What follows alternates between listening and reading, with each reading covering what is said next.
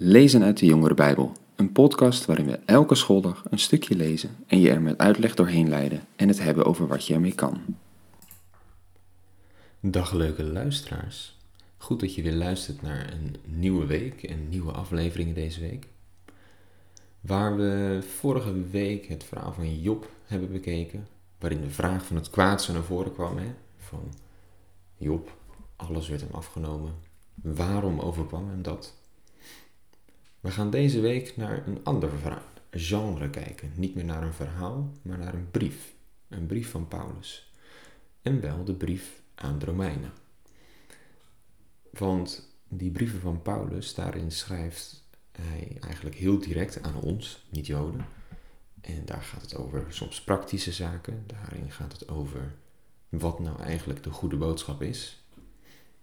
En heel, daarvan, heel veel daarvan van wat die goede boodschap is, kunnen we ook terugvinden in Romeinen 5. Daar wil ik de komende dagen met jullie uitlezen. En deze week uh, zal ik het weer met jullie doen. Ik denk dat volgende week Nienke misschien wel weer een paar verhalen doet. Dus heb even geduld.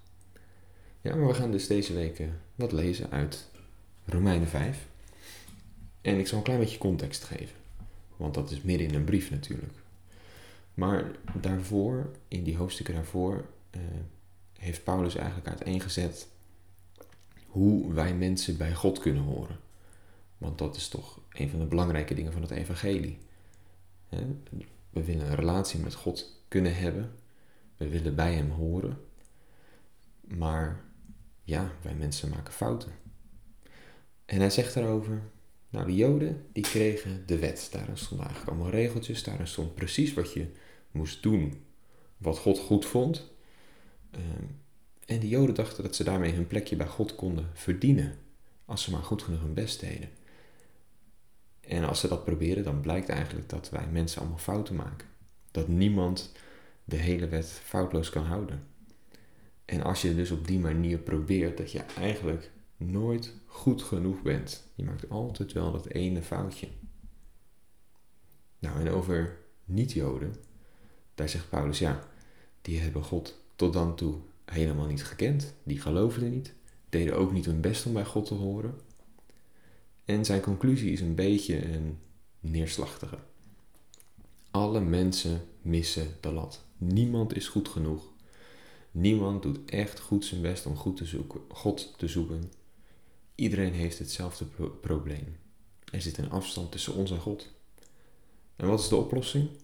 Dat is dus niet om hard genoeg je best te doen, zoals de Joden dat probeerden, want dat lukt je dus niet. Het antwoord is eigenlijk heel simpel. Geloven. Geloof is genoeg. Dan ben je goed genoeg voor God. En goed genoeg voor God, dat noemt de Bijbel rechtvaardig zijn.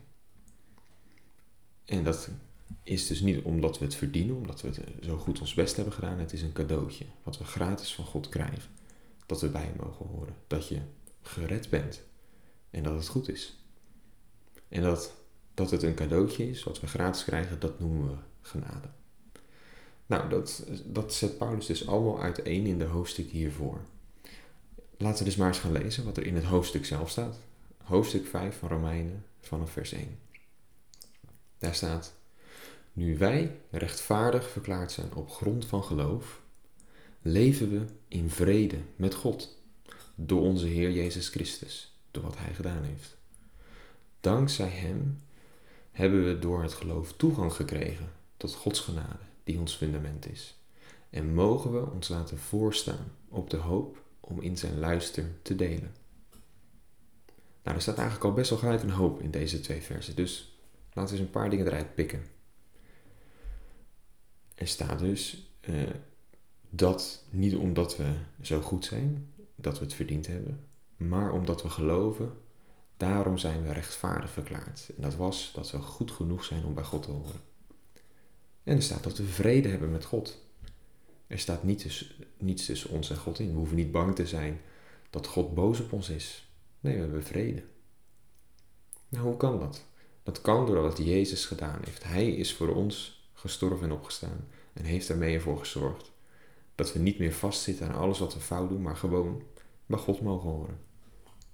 En dat wordt dus genade genoemd, een cadeautje. gratis. Dat vinden we altijd fijn als Nederlanders. En dat, zo zegt de tekst, is ons fundament. Oftewel, daar kan je dus stevig op staan. Dat is dus zo'n belangrijke waarheid en de kern van het goede bericht dat de Bijbel ons vertelt, dat je daar alles op eh, verder kunt bouwen. Uh, daar kunnen we het mee doen. En dat helpt ons niet alleen nu. Er wordt ook nog meer gezegd. Er wordt ook gezegd dat we daardoor hoop hebben voor de toekomst. Want het geloof houdt ook in dat we iets hebben om naar uit te kijken. Dat we weten dat het niet ophoudt als we doodgaan. En dat wordt hier genoemd als delen in zijn luister. Dat is altijd een gek woord. Luister. Het heeft niet te maken met luisteren. Maar het gaat eigenlijk over hoe mooi en hoe goed het straks is. Daar mogen we op hopen. Dat we daar deel aan krijgen door wat Jezus voor ons gedaan heeft. En er staat zelfs dat we daar trots op mogen zijn. We mogen ons daarop laten voorstaan. Nou, dat stond allemaal in die eerste twee versen. Laten we nog maar een klein stukje lezen. Paulus zegt in vers 3: En dat niet alleen, we laten ons zelfs voorstaan op de ellende die we ondervinden. Omdat we weten dat ellende tot volharding leidt. Volharding tot betrouwbaarheid, betrouwbaarheid tot hoop. Deze hoop zal niet worden beschaamd omdat Gods liefde in ons hart is uitgegoten door de Heilige Geest die ons gegeven is. Ja, daar zegt Paulus eigenlijk wat geks. Zelfs als je het moeilijk hebt, als je ellende ondervindt, mag je er zo positief op uh, in staan. Je mag er zelfs weer trots op zijn. Als je het moeilijk hebt, hoe doe je dat? Nou ja, dat komt eigenlijk, als we lezen hoe Paulus verder gaat, omdat nou ja, ellende is misschien op zichzelf niet leuk, maar het leert ons een hele hoop. We leren erdoor te volharden, dus we worden er sterker van.